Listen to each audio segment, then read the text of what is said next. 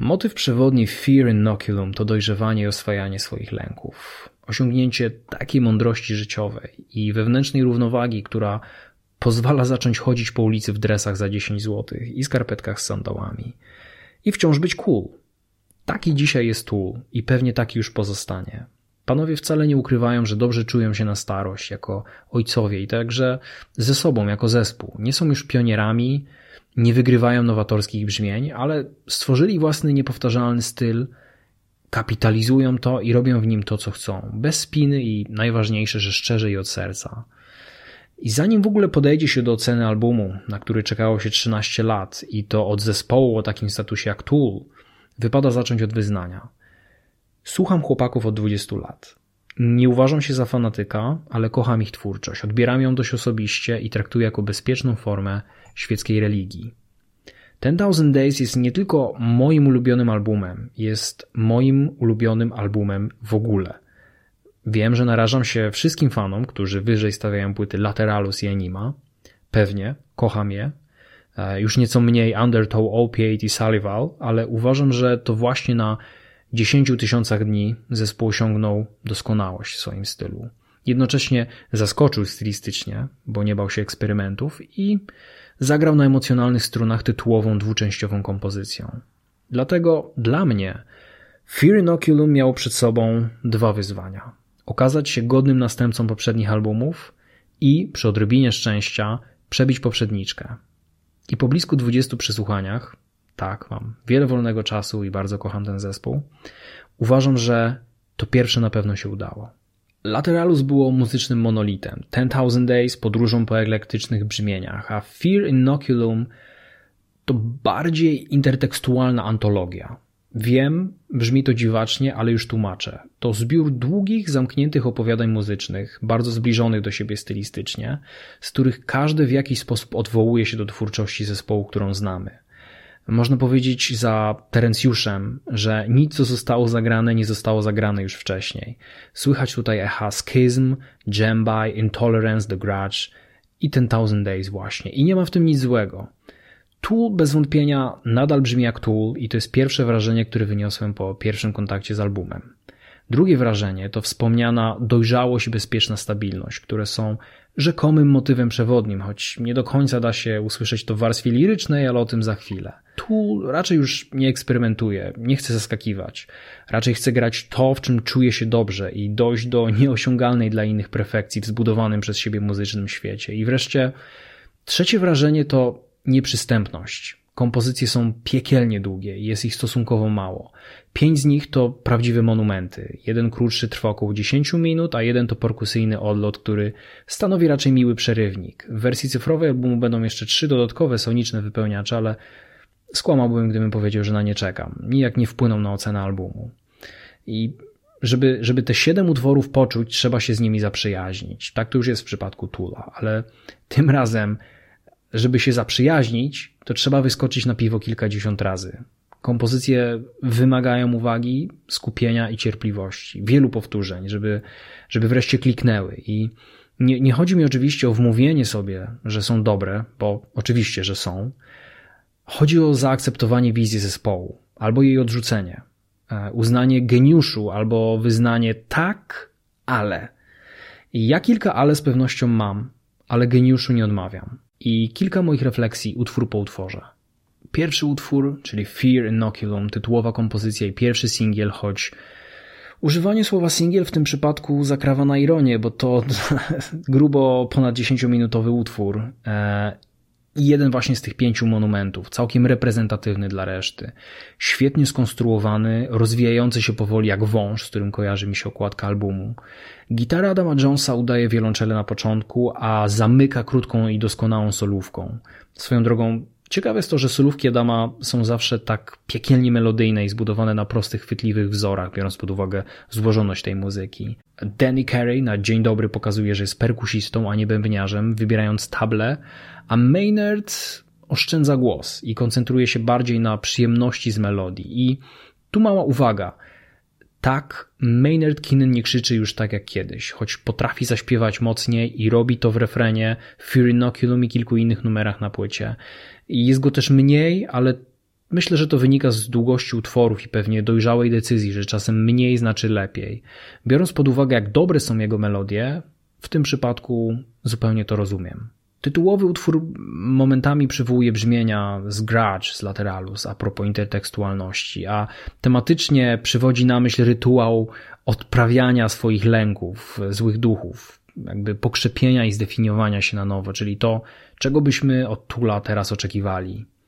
Utwór drugi, czyli Numa, to najmniej groovy utwór na całej płycie, najtrudniejszy w odbiorze i wymagający kilku przesłuchań, żeby go w pełni docenić. Tak było w moim przypadku i teraz wracam do niego najchętniej. Zaczyna się przepięknym gitarowym motywem, który powraca w połowie utworu w innej aranżacji i oferuje jeden z najpiękniejszych momentów twórczości Tula. I za cholerę nie mam pojęcia, czy to jest zasługa gitary czy klawiszy. Czasem nie potrafię rozróżnić jednego od drugiego, biorąc pod uwagę efekty, z jakich korzystają Adam i Justin.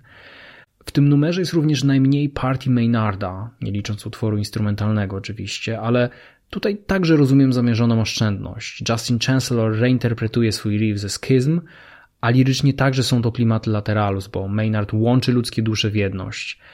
Mocno pretensjonalne na tle innych utworów, ale jednak zrobione ze smakiem. Moim zdaniem jedna z największych pereł albumu. Numer trzeci, Invincible. Pierwszy z dwóch utworów, które usłyszałem jeszcze na krakowskim koncercie w czerwcu i które zrobiły wówczas na mnie największe wrażenie z całego setu. Nie inaczej jest w wersji albumowej. Lirycznie to jest najciekawsza kompozycja z zestawu. Wojownik u kresu swojego życia, który żyje pamięcią przeszłych zwycięstw, chociaż nie wiadomo ile w jego historiach jest prawdy i czy w ogóle jest jakiś powód do dumy. Jest to piękna parabola, tak, celowo użyte słowo, tego, gdzie dziś znajduje się sam Tool.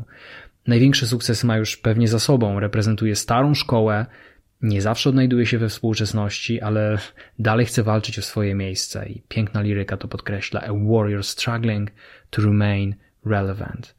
To najbardziej techniczny numer obok Tempest, e, który przywodzi na myśl Jembai z poprzedniej płyty. Polirytmy, które pojawiają się w drugiej części utworu są Trudne do objęcia umysłem, więc mogę tylko domyślać się, jak trudne są do zagrania. W pewnym momencie gitara i bas dosłownie rozjeżdżają się ze sobą, a Carrie gra do tego beat w innym metrum. Nigdy nie słyszałem czegoś podobnego, nawet u coraz bardziej monotonnego Meshuga, który jest przecież metalowym cesarzem polirytmii. I na deser znowu te cholerne klawisze, albo bas, albo gitara, naprawdę nie wiem skąd oni wydobywają te dźwięki. Numer czwarty, Descending. Jeżeli Invincible jest o wojowniku, który chciałby stoczyć jeszcze jedną bitwę, to Descending jest właśnie o niej. W tym numerze naprawdę uderzają emocje w głosie Maynarda i wreszcie słychać w nim jakiś pazur, kiedy śpiewa o wielkim finale, o ostatnim popisie, jak pada w lirykach łabędzim śpiewie. Brzmi to niemal jak pożegnanie i przyznam, że gdyby Fear Inoculum miało nigdy nie powstać, to życzyłbym sobie, żeby Tool pożegnał się z fanami właśnie tym utworem. Budowanie napięcia kojarzy się trochę z dwuczęściowym tytułowym Ten Thousand Days, a Adam Jones ponownie zaskakuje nie jedną, a aż trzema solówkami. I w przypadku pierwszej z nich pojawia się podwójna partia gitary, co w jego przypadku stanowi zupełne nowum. E, I jest to być może jeden z najlepszych momentów w jego karierze. Nawet perfekcyjnie zamyka kompozycję zaledwie dwoma dźwiękami, ale to także jest po prostu najlepszy utwór na albumie, który ma w sobie wszystko to, co kojarzy nam się z brzmieniem Tula. Jest, jest, jest majestatyczny, prawdziwy i piękny i bez wahania postawiłbym go w piątce lubionych kompozycji zespołu obok Push It, Right Into, Intolerance czy Lateralus. Swoją drogą znowu te cholerne klawisze. Albo i nie klawisze, nie wiem, poddaję się, w każdym razie brzmią dobrze, choć tak jakby wycięto je wprost z utworu Triad, więc ponownie ta intertekstualność. Utwór piąty, Calling Voices. To jeden z tych utworów, przy których powiedziałem tak, ale.